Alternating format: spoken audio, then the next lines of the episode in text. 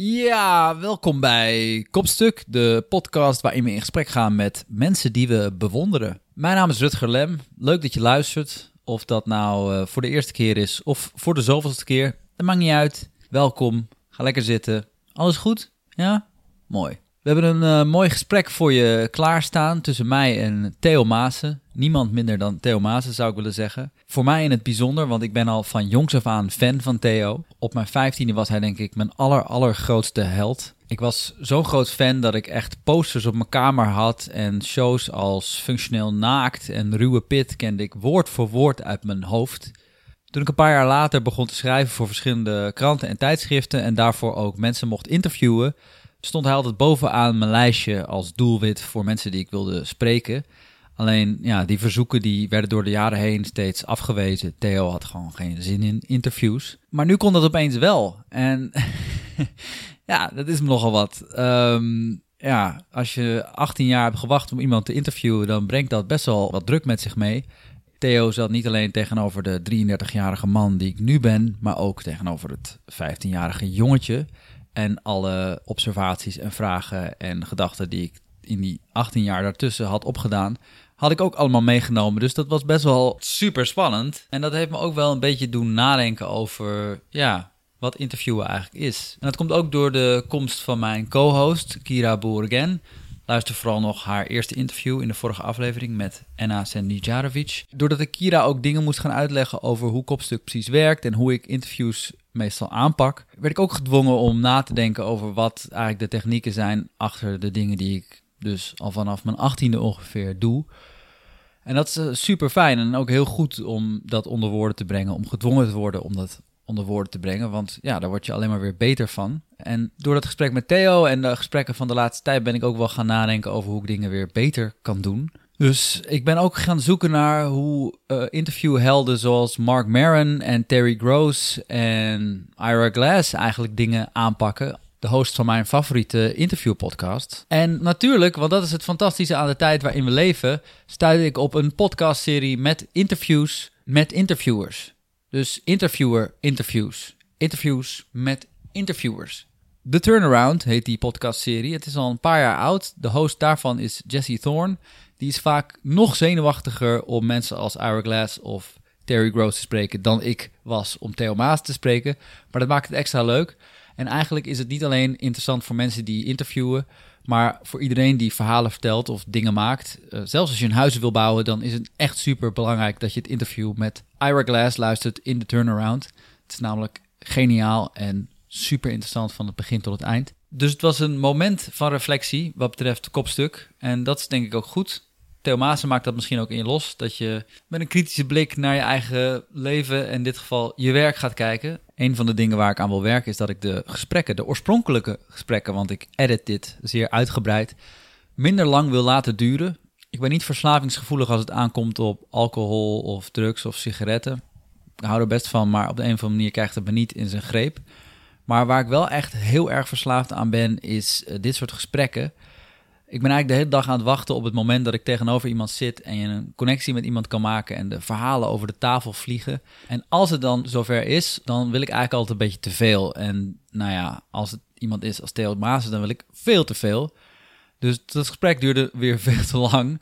Uh, en nou ja, ik moet nog even leren dat ik dan ook wel veel van iemand vraag, letterlijk en figuurlijk.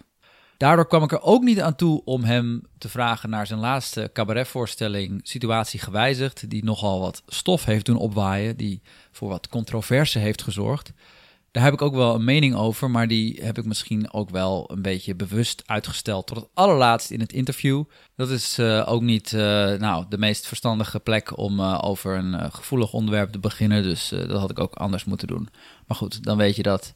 Het zit er wel in hoor. We hebben het er wel over gehad. Zoals over heel veel andere dingen. Het is een heel leuk gesprek geworden. Met een heel bijzondere man. Een bijzonder lieve man, zou ik zelfs durven zeggen. Die we allemaal stiekem een beetje bewonderen. Ook als we het niet helemaal met hem eens zijn. Hier is niemand minder dan Theo Maassen.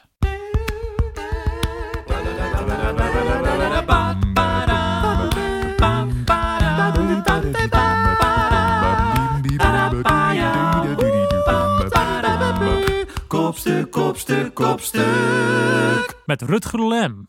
Oké. Test. Ja.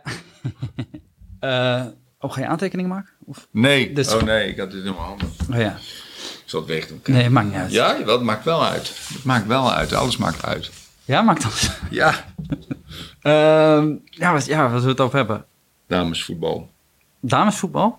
Dat, dat, dat- ja, Nee, ja, ik probeer te helpen. Oké. Het is natuurlijk niet actueel. Dat hoeft helemaal niet, hè? Met Nee. een podcast. Nee. Het is mijn eerste podcast trouwens. Oh, echt? Ja, echt. Ik ben nog nooit geïnterviewd voor een podcast. Ah, dit is wel... eh, Dus ik ben wel een klein beetje zenuwachtig. Ja, serieus?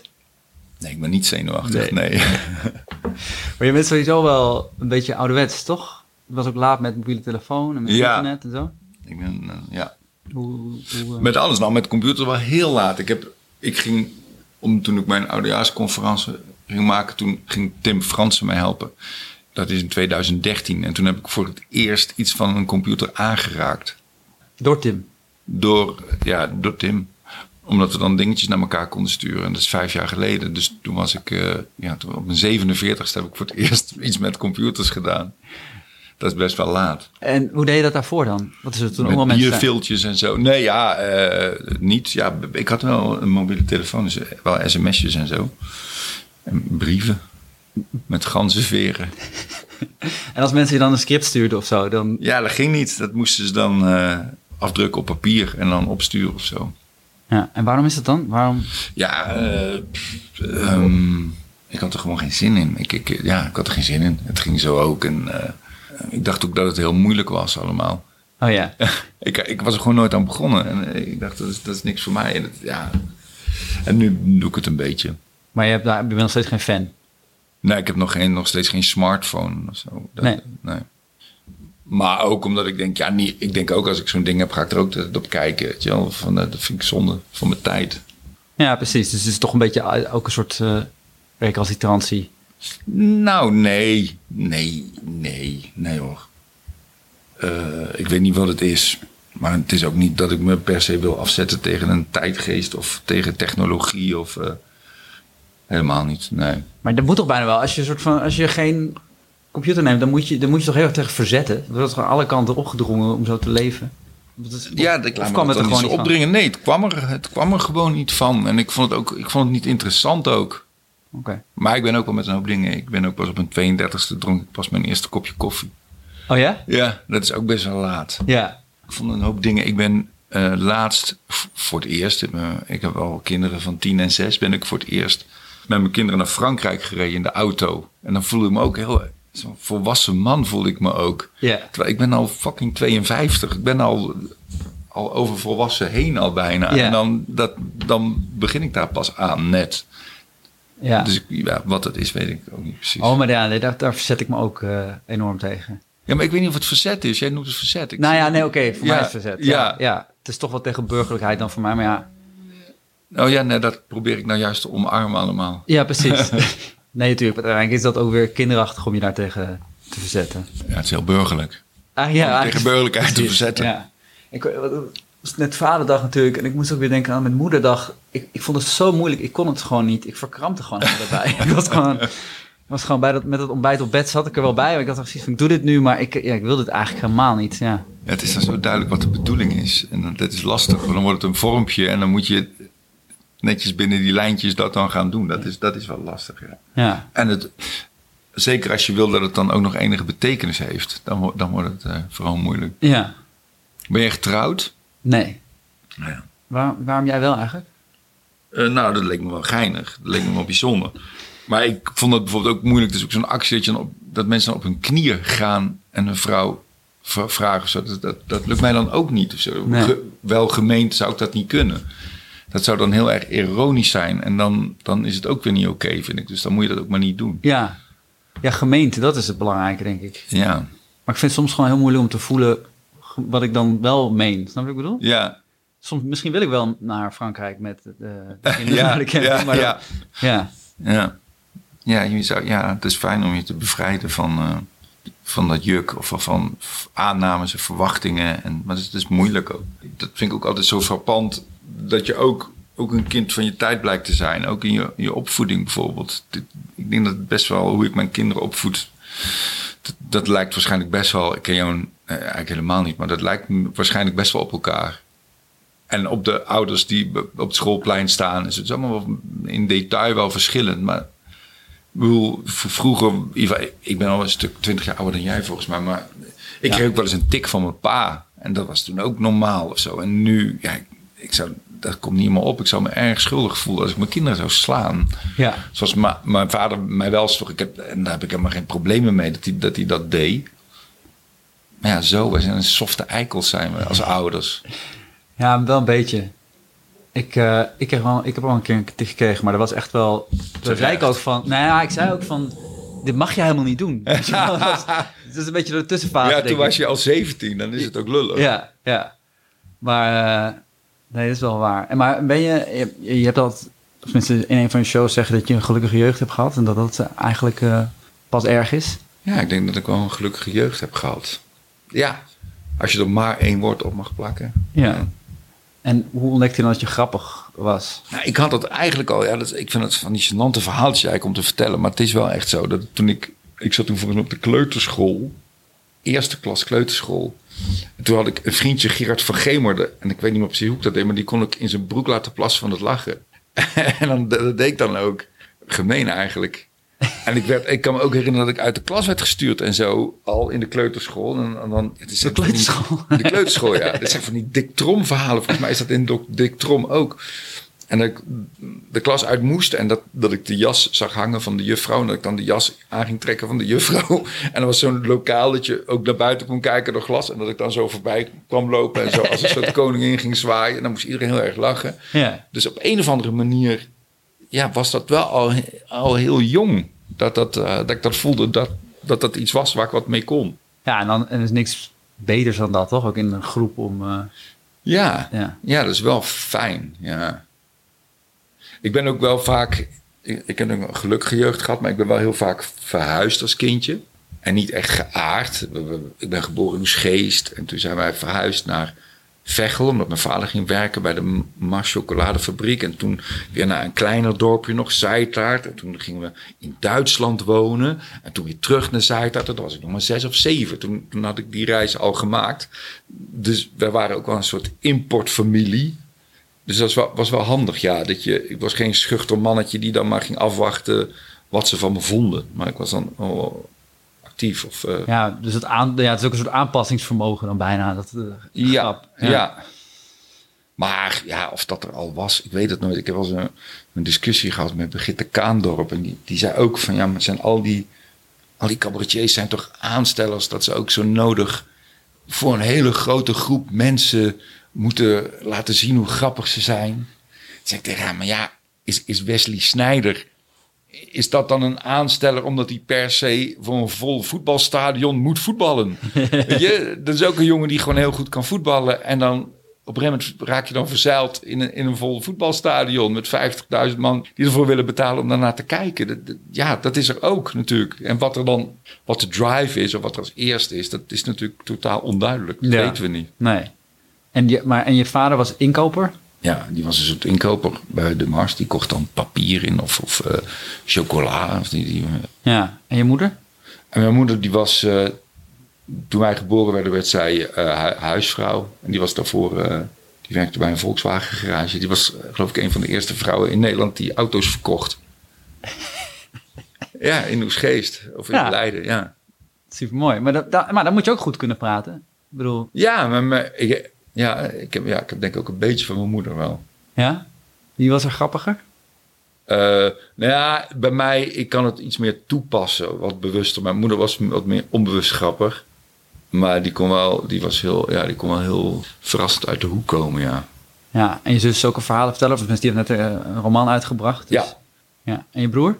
Mijn broertje, die was, die was drie jaar jonger dan ik. Ja, die, is- die, die is overleden. Die, die is overleden toen hij 16 was. Eh, ja, dat was ook een grappig mannetje, ja.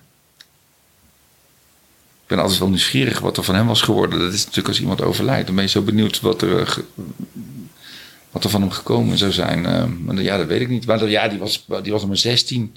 Ja. Maar ook wel een heel ja, stoer, een stoer ventje. Die, die was, had een, een- met een vriendje hadden die al een drive-in disco. En die kon heel goed breakdansen. Oh ja. Dat was toen. Dus die was ook wel outgoing. Ja, Ja. we waren een heel pittig gezin. Er was wel altijd veel aan de hand. Ja, eh, met eh, ja, conflictjes en met allemaal heel leuk of heel, heel eh, ja, gevarieerd. Wat, wat ik ook altijd wel grappig vind, is dat je soort van, je bent in een dorp opgegroeid. Dat heb ik ook, maar ja, daar had ik altijd dan ook, ga je weer, een beetje protest tegen. Dat ik een soort van weg wilde en dat ook een stuk bekrompen vond en zo. Maar ik heb ook altijd in jouw werk zie ik dan enerzijds een soort van die, die afkeer van dat dorpse in Eindhoven en, en, en Koopzondag. En, en aan de andere kant ook wel weer een soort liefde ervoor, toch? Ik bedoel, Eh, ja, nou, zo'n heel klein dorp. dat vind ik wel. dat is te klein. Dat vind ik wel lastig. Ik vind bekrompenheid, daar heb ik wel heel veel moeite mee. En eh, daar ken ik wel veel voorbeelden van. Dat iemand niet mag wezen wie die is. Toen was dat ook nog met, ik weet niet hoe dat nu is. Ik kom daar bijna nooit meer.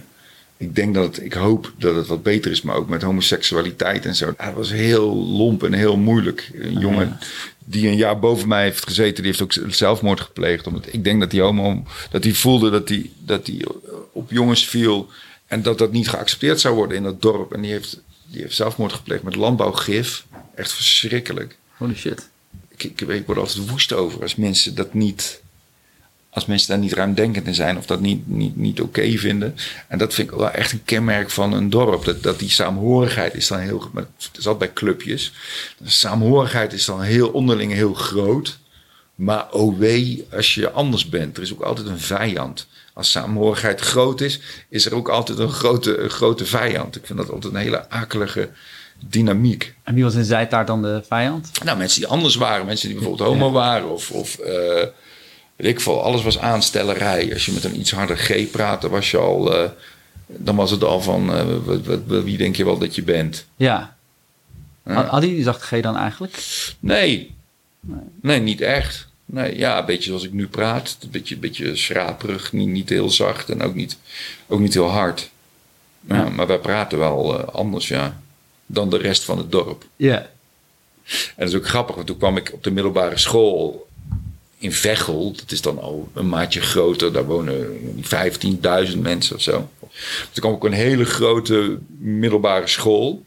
Eh, Een school waar denk ik meer mensen zaten dan in mijn dorp woonden. Ja. En toen merkte ik ook dat ik meteen echt trok. Al mijn vrienden zijn allemaal van toen, die ik nog wel eens zie, allemaal importjongens. Die komt uit Wallingsveen, die komt uit Amsterdam. En allemaal, allemaal import eh, mensen. Oh ja, dat werd jouw groepje. Ja, Ja. Dat, is toch, dat vind ik altijd zo bizar dat op middelbare school dat toch wel dat je zo heel makkelijk elkaar vindt. dan Ja, gek, hè? Ja. nou ja, als je geluk hebt, zijn natuurlijk ook loners of mensen die dat niet. Maar ja, zelfs die hebben dan meestal ook wel weer een clubje. ja, een hoekje om samen Ja. alleen te staan. Ja.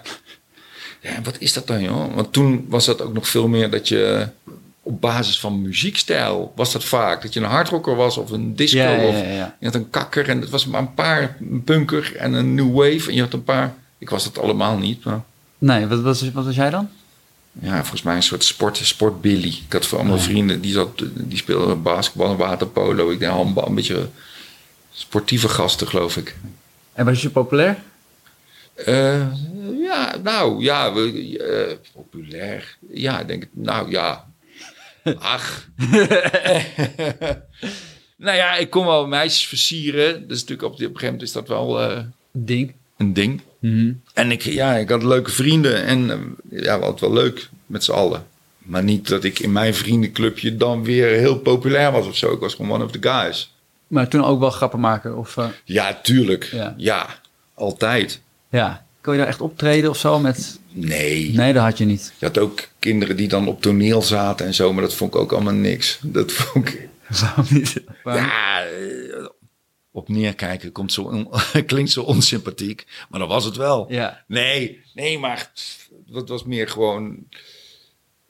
dat was toch ik heb er nog wel een beetje. Wij gingen ook beetje de, dat dorp of zo. We werd een beetje de speeltuin waar je ging kloten en winkels in en uitzendbureaus in en Oh, mensen ja. voor de gek houden en eh, eh, ja, dat soort dingen. Gewoon guerrilla-style en niet teksten afspreken en jij zegt dat en dan zeg ik dat. Dan is de lol er al vanaf. Ja, ja, ja, ja oké. Dat had ik ook toen ik op die. Ik kwam op een theateropleiding in Eindhoven. En wist ik, ik wist niets. Ik wist echt helemaal niets van toneel. Ik had nog nooit een toneelstuk gezien. Ik had nog nooit een toneelstuk gelezen. Maar ik werd wel aangenomen en toen bleek ook opeens dat we moesten gaan repeteren. En toen dacht ik ook, ja, maar dat vind ik, dat wil ik niet. Ik wil niet gaan repeteren. Ik Nee, wil het precies. gewoon doen. Ik wil het gewoon doen. Ja. Je, je hebt nog een jaartje VWO geprobeerd, geloof ik. Waarom wilde je dat en waarom lukte dat niet? Ehm, nou ja, ik had zes jaar op de HAVO gezeten. en Toen had ik wel een diploma gehaald. En ik wist, ik wist niet zo goed wat ik moest doen. En misschien was mijn broertje toen ook wel ziek al. Nou ja. En toen dacht ik, dan blijf ik nog even een beetje in de buurt. En, en toen ben ik ook halverwege, toen werd hij echt heel ziek. En toen ben ik ook gestopt met school. Toen dacht ik, ja, dan eh, boeit, boeit me niet meer. En toen wilde ik gewoon thuis zijn. Ja. Volgens mij was het om in de buurt te blijven daar. Ja, het was totaal ongebruikelijk om naar. Ik heb het idee dat die decanen nu allemaal beter naar die leerlingen kijken en zo. Maar het was ook een hele rare stap om naar een theateropleiding te gaan. Ik kende niemand die dat ooit had gedaan. Ja. Ik weet nog, nu, nu nog steeds niet. Of er voor mij is er denk ik nog nooit iemand naar op die school, naar een theater. Iedereen ging gewoon naar de HAO of die ging. eh, ja, dat, dat soort dingen gingen mensen doen. En Wat wilde jij dan worden? Ehm, Of had je, niet, had je geen plan? eh, ja, ik had wel een plan, maar ik wilde wel cabaretier worden. Oh, wel, dat wel. Ja. ja. Maar hoe wist jij dat dat kon? Ja, Het internet was er toen niet. Nee, nee ik wist wel dat er, een theater, dat er theateropleidingen waren. En ik, Ja. ik weet niet, ik heb toen audities gedaan in Maastricht. Zomaar. Ja, eigenlijk zomaar. En dan met jongens, ik, ik niet, toen kreeg ik telefoonnummers van jongens die uit Nijmegen kwamen, die over daar, met, met jongens daarheen gereden. En toen heb ik daar vier zaterdagen speloefeningen gedaan. Ja. Dat was eigenlijk voor het eerst dan dat je in een toneelklas Ja, dat was voor het eerst dat ik iets met toneel deed, ja. Ja. En ik weet nog, dat vond ik superleuk. Op een gegeven moment was een scène, het was een verhoor. Iemand werd verhoord en iemand verhoorde. En toen vond ik voor het eerst, oh, dit is tof. Want dat moest je improviseren.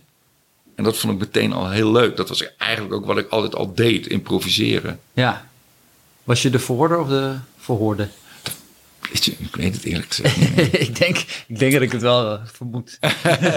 Nou, ja. ja. Dus toen voelde ik opeens, en toen, ik werd niet aangenomen daar. Maar je keek natuurlijk wel films en zo, dus dat, dat, dat acteren, ja, dat ken je maar natuurlijk. ja, vooral First Blood en Mad Max 2. Oh ja, best wel vet. Ook wel vette films, ja. Ja. Maar ik had eigenlijk nog geen sjoegen. Ik kon mensen goed voor de gek houden. En mensen zeiden wel eens, ja, jij moet naar de toneelschool, want jij kan goed mensen voor de gek houden. Maar die mensen weten natuurlijk ook niet wat het was. Wat, wat spelen is, wat acteren is. En ik ook niet. Ik denk, oké, ja, misschien, eh, misschien is dat wel wat. Ja, Maar dat is het natuurlijk helemaal niet. Acteren is niet mensen voor de gek houden. Nee. Nou, een beetje ook, maar voor een acteur is elke dag 1 april. ja, Ja, ja. die hebben ook altijd een bananenschild bij zich, Ja, hè, voor het geval... eh, dat klopt. Dan kwam je uiteindelijk dus op die toneelopleiding in, eh, in Eindhoven. in Eindhoven, Ja, toen ging ik daar auditie doen. Oh, moest je wel auditie doen? Ja, ja, dat is ook een echt serieus te nemen opleiding. Ja, ja, oké. Ja, en ik weet nog dat we daar, toen kregen we een speloefening. En toen mocht je alleen maar, had je alleen maar als tekst alleen maar ja en nee. Dat is alles wat je had. Dat was eigenlijk de allereerste keer dat ik voelde hoe gaaf het was. Omdat je dan beperkt wordt door die tekst. Maar ja, goed, en daar kun je voor de rest alles mee doen. Ik weet nog gewoon dat ik toen opeens voelde van, oh ja, dit is spelen. Ja, ja, Dan- ja. En die beperking heb en die vrijheid. En overal heen kan en de situatie kan beïnvloeden. En mee kan gaan met, met de situatie, wat die ander inzet. Het samenspel en daar heen bouwen of heel abrupt een andere kant op. En het was super, super leuk om te voelen dat je echt een paar momenten in je leven dat je zoiets iets helemaal nieuws voelt. Bijna, bijna als de eerste keer eh, seks of zo. Ja. ja, want je was natuurlijk goed in, in Seks.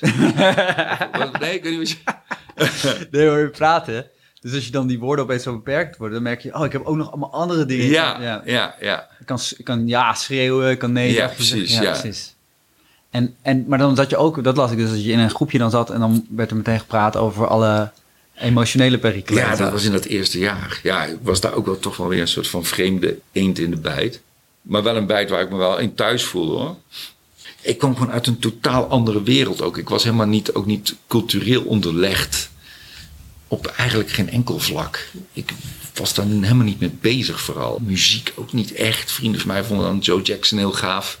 En dan ging dat ook draaien. Dat vond ik ook, vond ook wel tof. De police vond ik wel leuk. Maar het was niet zo heel specifiek. Of niet zo heel... Kunst sowieso niet. En met en toneel, film. Ja, een paar van die vette actiefilms. Die vond ik wel heel tof.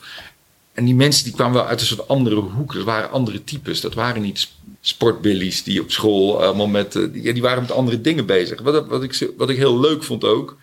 Maar het was inderdaad ook heel, in mijn ogen toen, best wel eh, soft en psychologisch. En Ja. onzeker en kwetsbaar. En, en analyseren en daarna over praten. Ja. En ik wist, ik wist eigenlijk niet wat ik meemaakte, joh. Ik had een beetje van die stoerige vrienden. En dan ga je eerder ook je kwetsbaarheden juist verhullen. En hier werd dat allemaal op tafel gegooid. En daar had ik wel ge- gemengde gevoelens bij. Ik vond het ook wel... Wel gevoelens dus? Ja, ja precies. Toch, toch gevoelens. Verdikke me!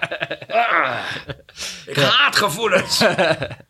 Ja. Nee, mooi ook. En ook, Ja. ja, god, wat, wat moet je daar nou mee? Joh? En, en soms ook wel veel zelfmedelijden, vond ik. Ja, precies. Dat heb je dan ook. Ja. Ja, mensen die snel moeten janken Ja. om niks. Ja. Ik weet nog dat ik... Mijn broertje was net overleden eigenlijk toen ik op die opleiding... Een jaar daarvoor, denk ik ongeveer. En ik, ik was niet zo kwetsbaar. Of dat waren ook mijn aandachtspunten in het eerste jaar. En die studieleider tegen mij zei... Bloedserieus, die zei van... Ja, jij, jij zou een keer iets ergs mee moeten maken. Terwijl een jaar geleden was mijn fucking broertje overleden. Want je hebt, geen, je, hebt geen, je hebt geen idee. Maar was je daardoor ook misschien een beetje gesloten? of? Nou, ik denk nee, Nee. Ik denk het niet. Ik denk dat dat al zo was. Ik denk dat dat daarop geen invloed had. Eerder andersom. Ik denk eerder dat het wat dat betreft een go- goede invloed op mij had. Denk ik. Ik weet het niet precies. Ja, Ja, ja, ja. Maar goed, maar ga verder. En toen? en toen gingen we, ja, ja, dan gingen we dat, dat, dat, dat evalueren en erover praten. En, en ja, dat ging ik dan natuurlijk weer een beetje saboteren. En dan ging ik dat, ging ik dat nadoen of veel erger maken dan het was. Of dan begon ik bij zo'n gesprek heel erg te huilen en eh, het gras voor iedereen's voeten wegmaaien. Ja. Maar dat was zo in die beginperiode. En langzaam maar zeker ging, ja, ging dat ook wel meer waarderen. Dat dat, eh, dat, dat ook aan de hand was. Ik ben wel, vera- ben wel heel erg veranderd. Ik, ik, ik, ik vond tot die tijd, vond ik serieus zijn gewoon nooit zo'n interessante optie. Saai eigenlijk. Ja. Serieus. En mm, ja, maar langzaam maar zeker ben ik wel steeds meer gaan ontdekken dat dat ook heel interessant is. Daar is ook een laadbloeier eh, in. Ja, klopt. Nou ja, een andere ja, weet je, je was 19 of zo. Ja, misschien al 20 of zo, 19, 20 jaar. Nee, het Ja, nee, het is, er is mij ook niets kwalijk te nemen. het is zo. Oké. Nou ja, toen, toen, toen ging je... We gaan mijn hele leven hoor. Je gaat echt mijn hele leven. Ja, we gaan gewoon logisch. Ja, ja, ja. Ja. Ehm, en ik, eh, ik wilde nog wel een, een anekdote verifiëren. Of tenminste, ik had, ik had ook ergens... Allemaal gelogen. ja? Ja, De, de- want je, je kent Hans eh Theo, ken je ook van die opleiding? zeker, ja. Ja. En ik hoorde dat jullie wel eens later, na, nadat jullie al klaar waren, daar dan, dan naar eh oud eh, klasgenoten gingen eh, die jullie niet zo heel goed kennen, dan daar aanbelden en dan gewoon daar gingen zitten om, om het zo ongemakkelijk mogelijk eh, te Ja, maken. ja, toen zaten we nog gewoon op school waarschijnlijk. Oh ja. Ja, ja, dat soort dingen deden we dan, ja. Gemeen ook al een beetje. Ik ben nu, maar wel grappig. Ja, heel grappig. Mensen toch een beetje half beleefd gaan doen. En belden gewoon aan bij iemand die we niet zo goed kenden. Waar het eigenlijk heel vreemd is dat we langs gingen. En dan zeiden ja, we waren in de buurt. We dachten, hoe komen we even langs?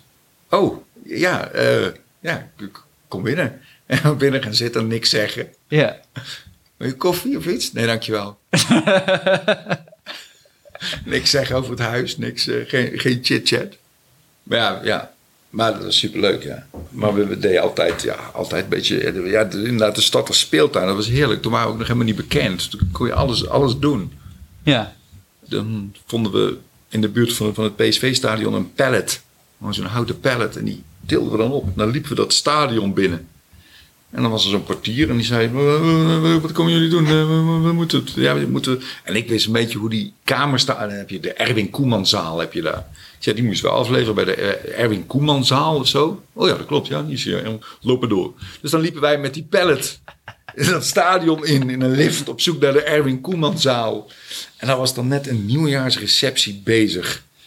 En dat was ook weer zo'n ja, improviseren. Dus dan legden wij die pallet neer. En dan ging op die pallet staan en begon wij zo'n beetje te dansen. Beetje, beetje erotisch te dansen. En dan kwam er iemand van de organisatie naar ons toe. Van, jongens, wat, wat is hier de bedoeling van? Dan zei ik, ja, we, zijn de Viking Boys. We, zijn, we, zijn, we doen een striptease act. We zijn besteld hier op dit feest. Daar weet, daar weet ik niks van. Dat, dat, dat is de, een beetje ze- zenuwachtig. Hans die al zijn t-shirt uit aan trekken was. Oh, wacht, wacht even. Ik moet even verifiëren. Misschien weet Frits er iets van. Ik ging naar Frits. En Frits ook. Ja, niemand wist van iets. En wij, nou ja, dan wij pissig. Van, godverdomme, wij komen uit Friesland komen we rijden. en eh, dit is al de tweede keer deze week dat we belazerd worden zo. Van, nou, jongens, hartstikke rot voor jullie. Eh, maar we gaan hier geen act doen. Maar eh, ik weet goed gemaakt. Eh, er staat maar drank en, en eten. Ik bedoel, ga maar lekker eten en drinken. En, en dan zaten we, gingen we daar ons bezatten op zo'n feest. En dan gingen we weer weg. Die palleten achterlatend. Ja, Ja, dat soort dingen. Avonturen beleven. ja, dat is een goede middag. Ja, Ja. dat was een hele leuke middag. Maar het is inderdaad vooral hoe, me- hoe andere mensen daarop reageren. Hè? Als een soort van, een soort van die verwarring. Ja, het is wel leuk om, ja, om te kijken gewoon wat er, wat er gebeurt. En mensen moeten zich daar maar toe verhouden ook. Dat is, ja, dat is wel geinig. Ja, maar, dat- maar dat is ook met stand-up comedy natuurlijk. Dat, eh, die vorm is natuurlijk ook heel erg zo van jezelf helemaal in het nauw drijven. En dan, dan moet er wel iets uitkomen. Ja, ik ben wel een comedian die zich toch wel voorbereidt. Het is niet zo dat ik zo op het podium ga staan en mag zien wat er gaat, wat er gaat gebeuren. Dus in, dat spe, in, dat, in die specifieke hoek vind ik het wel leuk om, om, om goede grappen te hebben. En Ja.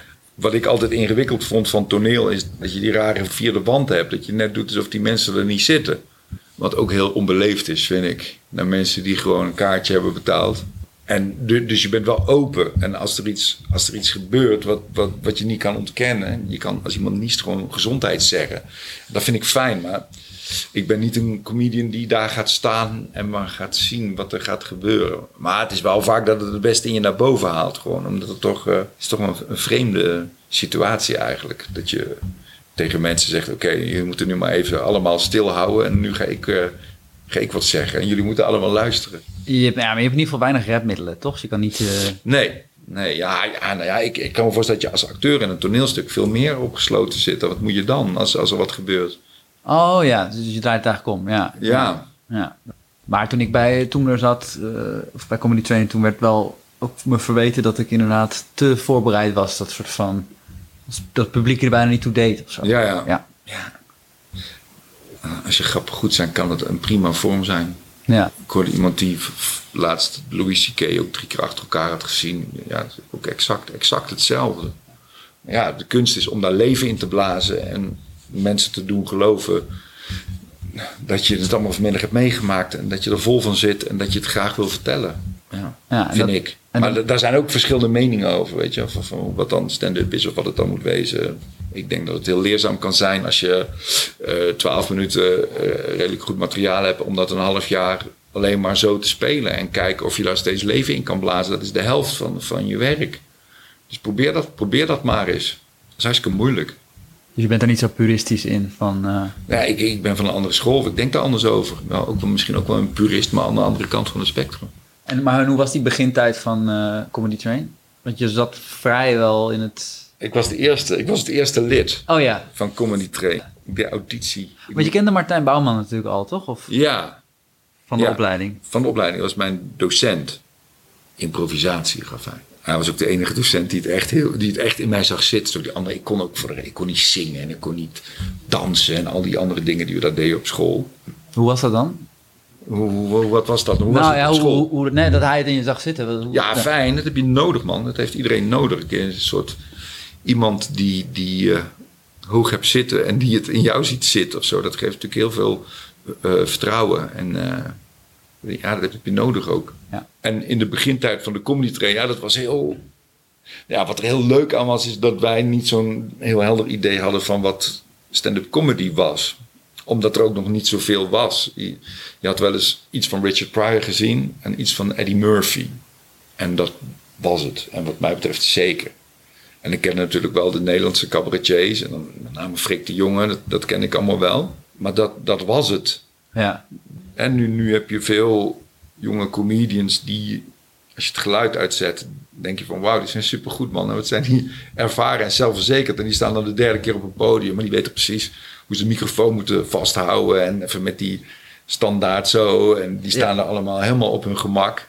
Maar ja, wij, wij waren allemaal, ja, dan Pieter Bouwman, een heel raar figuur, die dan een soort gefrustreerd verhaal vertelde over En, en, en Hans Steeuwen, die, die ook, ja, dat talent dat spatte er ook af. En, en Raoul en, en ik. En, en we waren ja, zo'n paar, paar figuren maar die, eh, die dat aan het doen waren. En ook het publiek wist ook, wist ook, die wisten helemaal van niks. Nee. Wij wisten nog een beetje van iets. Dus wij kwamen soms ook gewoon in, in een café waar mensen hadden afgesproken met een vriend die ze lang niet meer hadden gesproken. Ja. En zin hadden om even bij te kletsen. En dan werd er zo'n microfoon aangesloten. En dan kwamen wij op dat podium kwamen we praten. Ja, dan red, dan, red, dan red je het niet met een, eh, met een geintje of zo. Dan, moet- dan moet je ook echt wel iets bedenken waardoor het... eh, eh, ik vond het ook heel kut. Want ik vind het ook heel fijn als er een soort wederzijdse interesse is in, Ja. in communicatie. Ja. Toch? Als het publiek er zin in heeft en ik heb er ook zin in, dan is de kans het grootst dat het bijzonder gaat worden.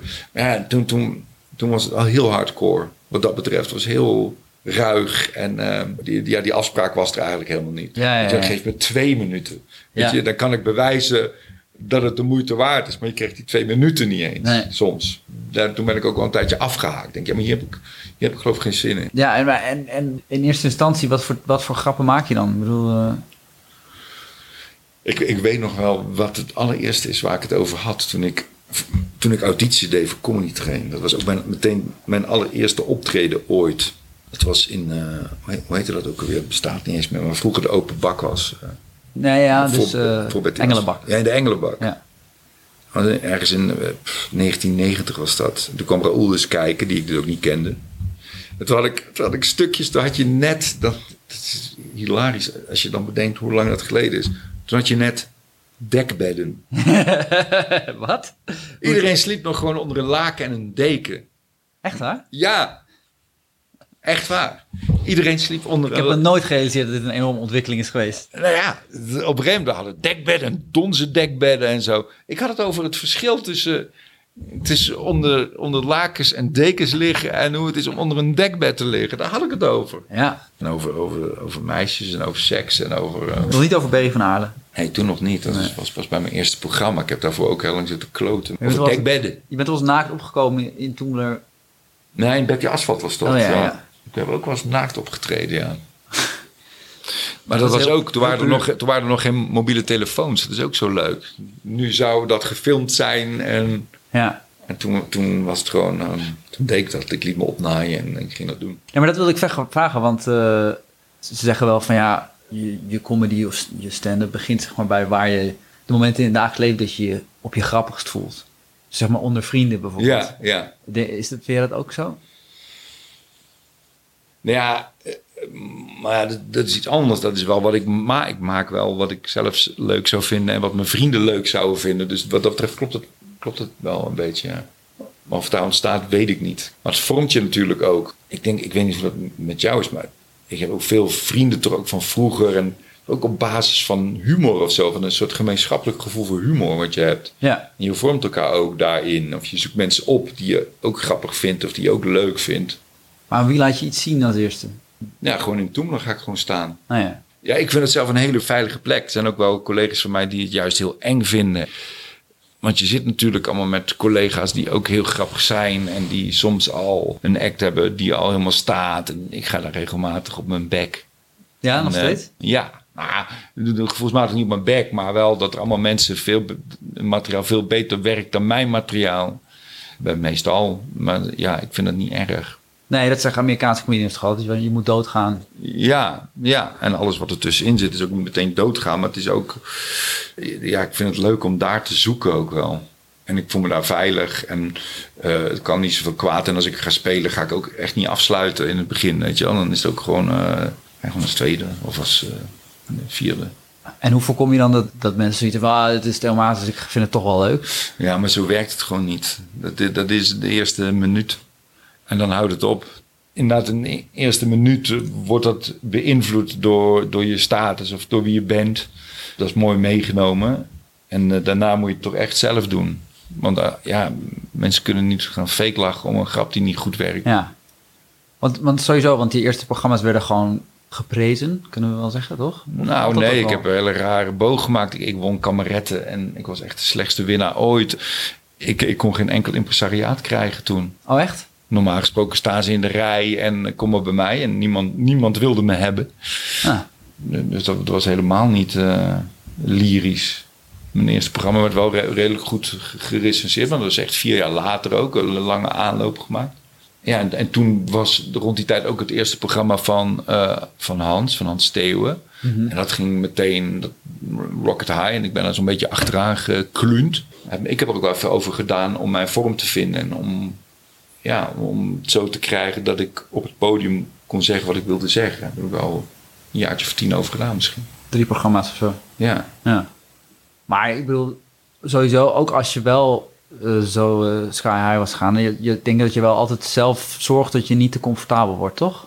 ja maar ja, het is nooit, ik ervaar het nooit als comfortabel. Nee, ik heb allemaal nee. andere dingen gedaan. Dus ik vind dit het moeilijkste wat er is. Ja. Ik heb inmiddels ook een film geregisseerd. Ik, ik, ik speel ook wel eens op films. Ik heb allemaal andere dingen gedaan ook. En interviewprogramma en zo. Maar dit is gewoon het allermoeilijkste. Het is gewoon heel erg moeilijk. Ja. Ja. het- ja. En dat blijft. Dus, en ik voel me wel comfortabel in de zoektocht. En in het try- try-out proces. Maar dan nog neem ik een hoop voorzorgsmaatregelen. Ik boek niet zomaar een programma als ik nog niks heb. Dus Ja. dat vind ik veel te eng. Dat doet eigenlijk iedereen. Iedereen zegt nou dan en dan is het klaar en dan heb ik première. Ik zou, ik zou het niet durven. Dus ik, ik, ik ga eerst altijd in Toemelen spelen. En als ik daar een uurtje heb van nou dit kan wel wat worden. Dan ga ik überhaupt pas boeken. Dus ik, ik, ik, doe, ik pak dat anders aan. Dus nee, het is altijd een ja, super interessante. Maar wel ook al een, een pittige zoektocht altijd. ja. Dus comfortabel, nee. Ik moet altijd denken aan die grap van je, ik weet niet uit welke show dat is, maar over eh proberen te slapen in het vliegtuig. Dat je zo'n houding probeert te vinden. Ja, maar, ja. Maar, maar eigenlijk kom je op een gegeven moment achter dat die houding er niet Ja, is. ja, Dat je je altijd zo voelt. ja, Dan ben je ook lang, maar ik bedoel, ja. nou, is dat zo, denk je? Ja, maar dan daar had ik het niet over het maken van programma's. Of Nee, maar in het eigenlijk helemaal in het algemeen gewoon. Altijd. Ja, er, is. Ja, nee. Er is, als je iets heel zeker gaat weten, dan vind ik het wel meteen akelig worden. Dus ik ben wel een permanente zoeker. Een, een nomade. Zou ik het eigenlijk Een willen woeler. noemen. Ja, en zo, en zo hoort het ook, vind ik.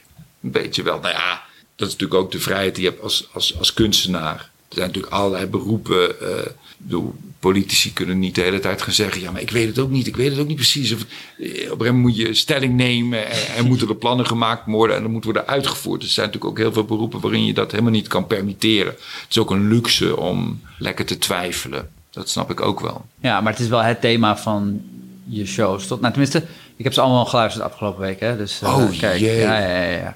Ik zou zeggen dat eh, bepaalde, bepaalde dingen is een beetje nostalgie, toch? Een beetje Nee, ik terugdenken aan ja. je jeugd en zo. Nee, laat maar. Ja, het is aan jou, ja. Ja. Nee, want je, maar je zegt toch erbij. Dan moet je er geen toch bij nee, zeggen. oké, dat is waar. Zeg het dan gewoon. Eh, neuk het systeem. Dat is meer tegen conformisme en zo. Dus eh, waarom doen we niet gewoon Ja. eh, wat het fijnste is? Vla en zo. Ja, en ruwe pit is dan eigenlijk gewoon kaart tegen het vrije markt eh, fundamentalisme. Ja. En dat, dat komt dan helemaal tot climax in functioneel na. Ja. Maar je, je bent ook pas later dan misschien een beetje gaan nadenken over wat je vindt van dingen. Ja, ik ben een laatbloeier. Of ja, als dit dan bloeien is. Ik weet niet. Ja.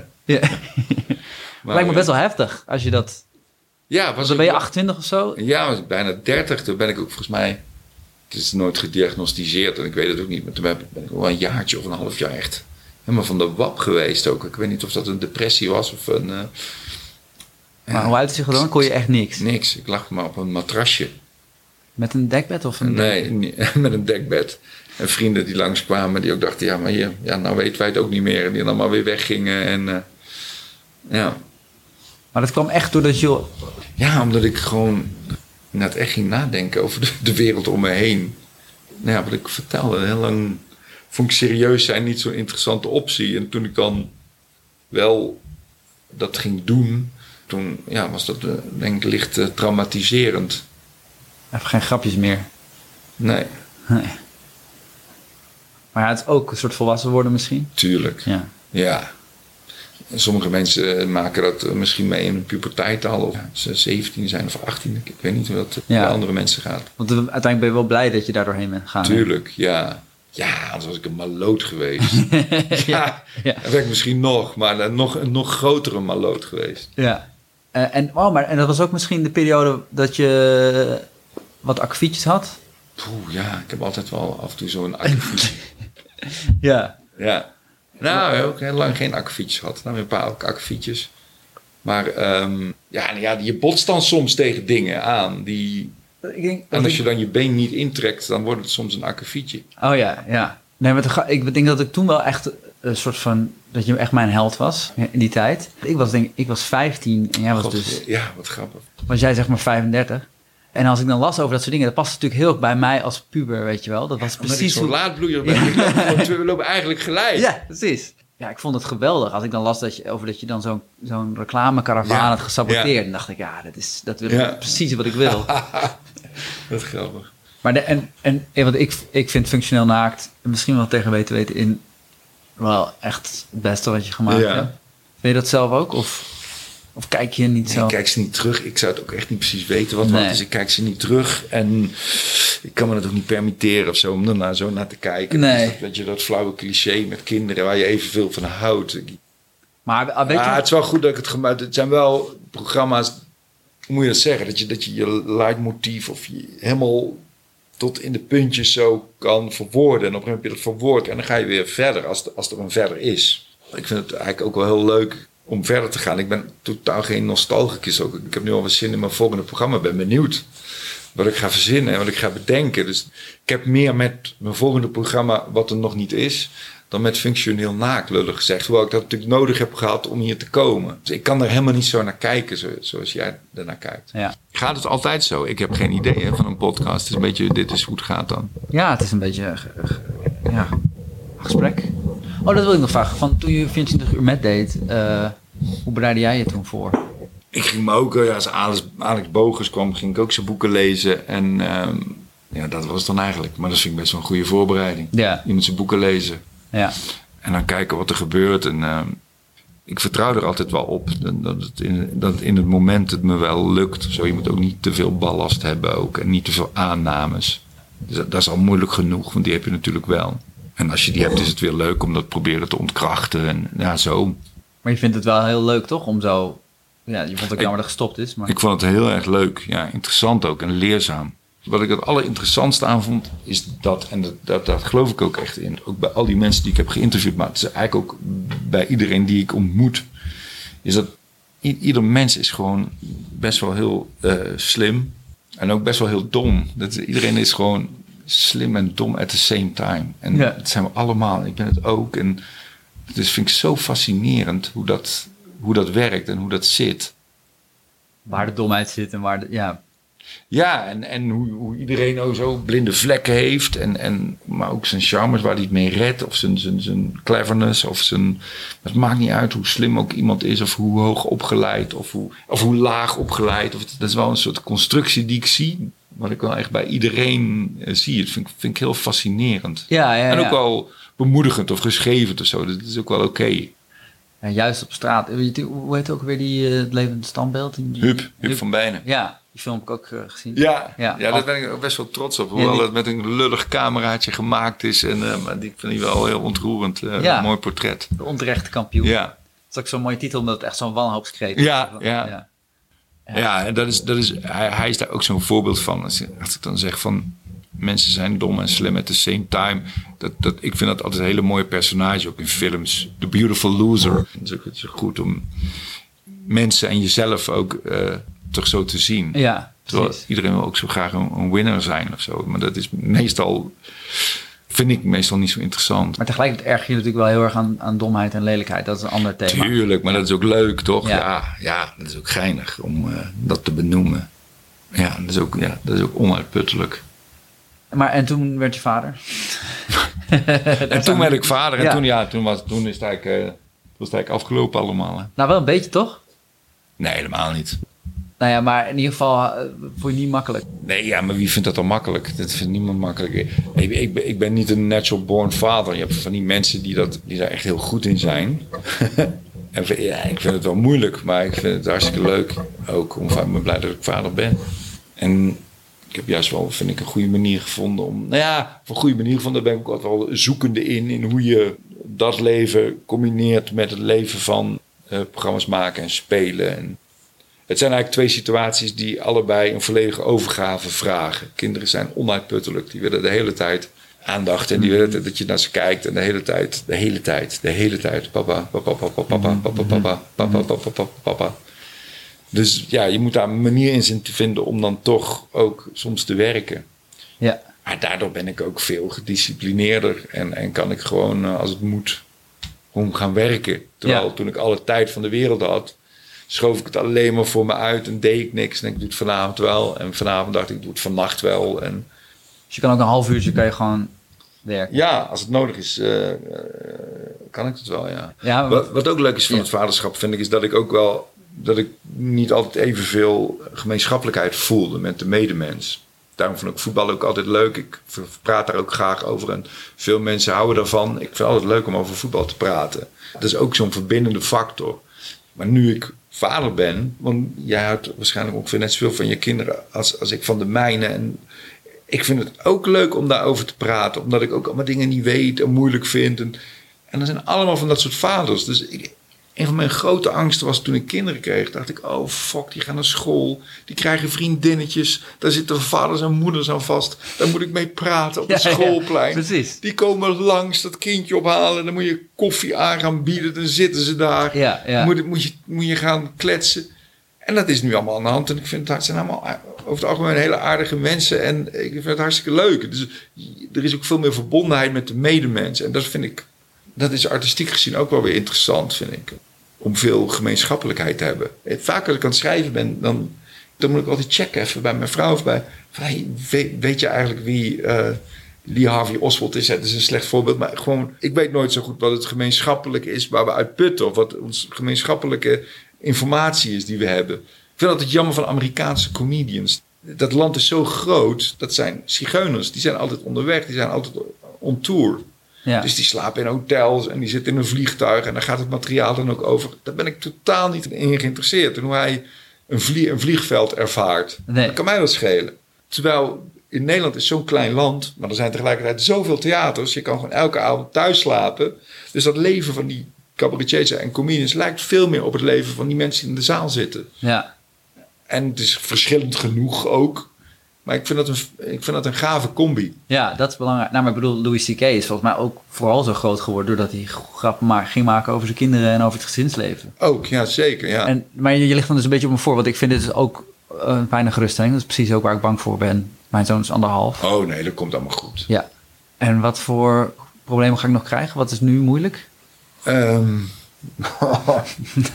ja, je bent, dat, is, dat vind ik er heel vreemd aan. Ik hang best wel aan het leven en ik, ik hoop dat ik 80 word. Maar ik had geen kamikaze mentaliteit. Maar dat, dat is, vind ik gewoon het moeilijke van kinderen. Dat ik zo hoop dat, het, dat je zo zit te hopen dat het goed met ze gaat.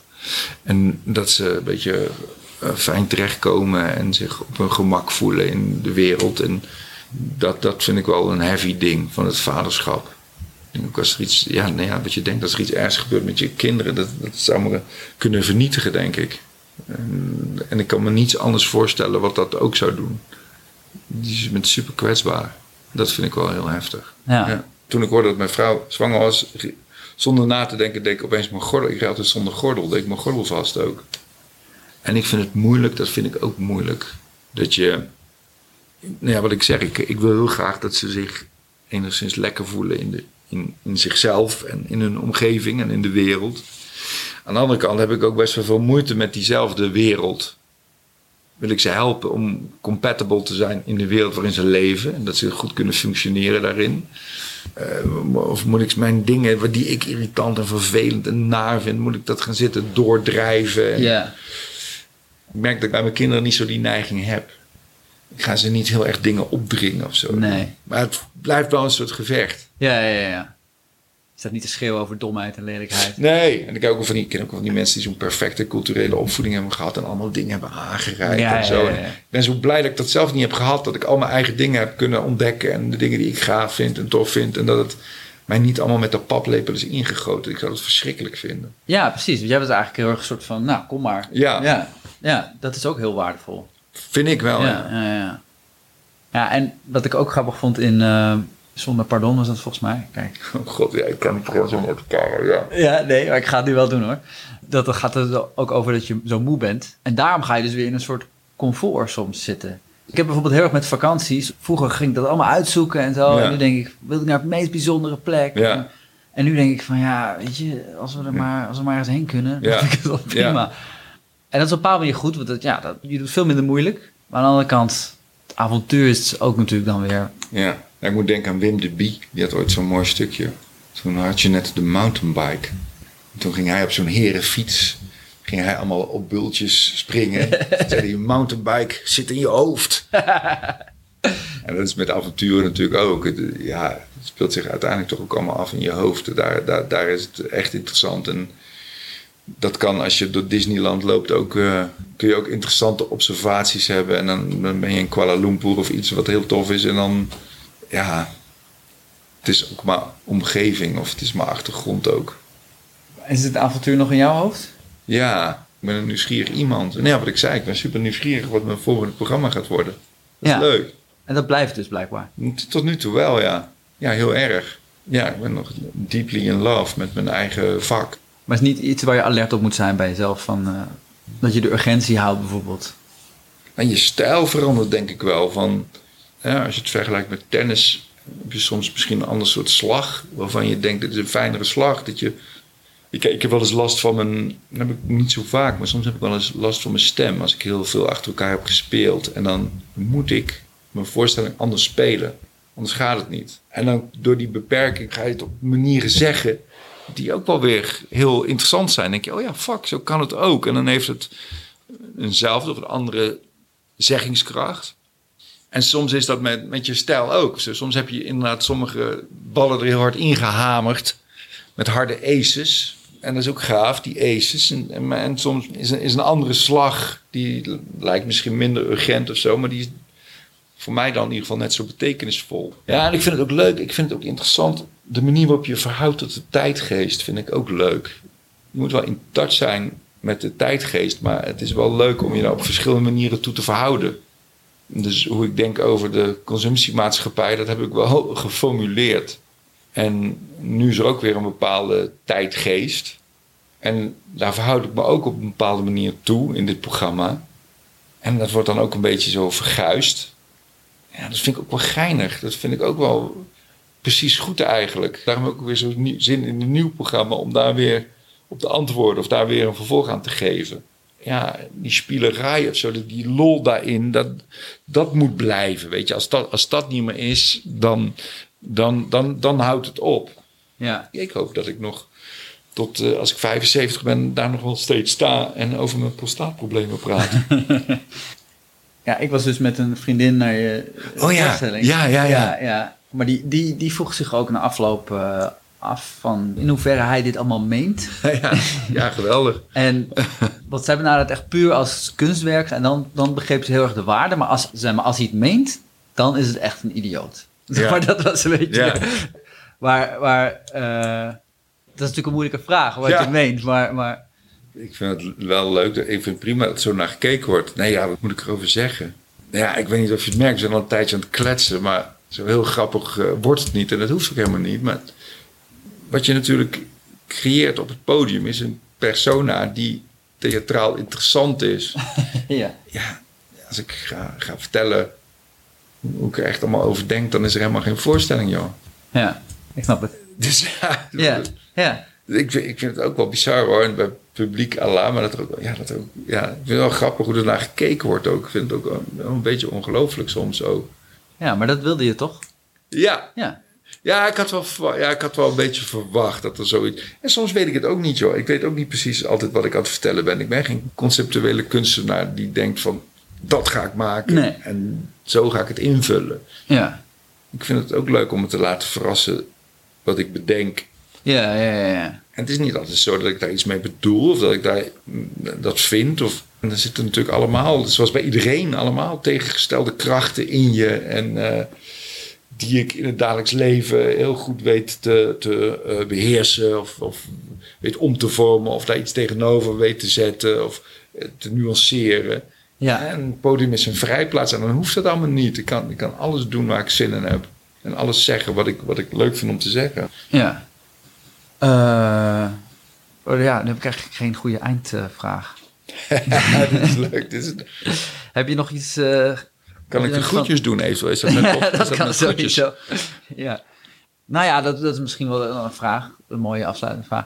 Maar dit, twijfel is wel een thema, maar... Ja, god. Nee, dit is ook een kutvraag. Dit is goed, maar we nou in dit straatje. Nou, nou. Nu moeten we wel laten lopen hoor. Dit is belangrijk. Ja. ja, ik wilde vragen waar je, dan, waar, je dan, waar je dan wel in gelooft. Maar dat weet ik ook eigenlijk al. Ja, dat is ook zo corny denk ik als je Ja. dat maar hardop gaat uitspreken. Het komt dan op liefde neer natuurlijk. Tuurlijk. Ja. Oké. Nou, dankjewel. Deze aflevering van Kopstuk werd opgenomen, gemonteerd en gemixt door Rutger Lem. Met hulp van Maartje Smits, Rijn Mulder, Rob Veugelaars en mijzelf, Kira Boergen. Rob en Rijn zitten toevallig ook in Herman in een bakje geitenkwark, die onze openingstune maakte.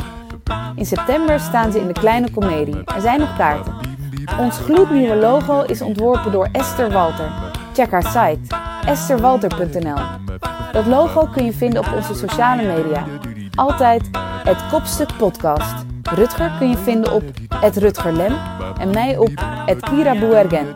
We zijn heel benieuwd wat je van de podcast vindt, wat je bijblijft of wat voor verhalen je kwijt wil. Stuur ons een mailtje op kopstukpodcast.gmail.com of laat een review achter in iTunes. In godsnaam, het helpt ons. Tot de volgende kopstuk, bitches. Kopstuk, kopstuk, kopstuk. Je kan me alles vragen, hè, Rutger. Ik ben helemaal, ik ben helemaal open, hè? Ja, ja, ik ben er wel een beetje doorheen. Ja, ik, weet, ik heb het idee dat je, dat, ja, dat het, eh, dat je het een beetje stom vindt. Maar dat is Hey, nee, helemaal Nee, nee, nee, dat, is nee. echt, dat zijn jouw... eh, Nee, maar je niet. in het begin was er heel veel energie en nu ben je een beetje zo van, ja, ja, ja. Ik, misschien ben ik ook te theoretisch hoor. Dat Nee, helemaal niet. Nee, ja, nee. Ik zit gewoon te kletsen. Dit, dit is, ja. Nee, ik voel me helemaal op mijn gemak. Oké, fijn. Ja, nee, daar maak ik me ook geen zorgen over. En eh, nee, nee, en ik, ik vind je niet stom. Nee, oké, fijn.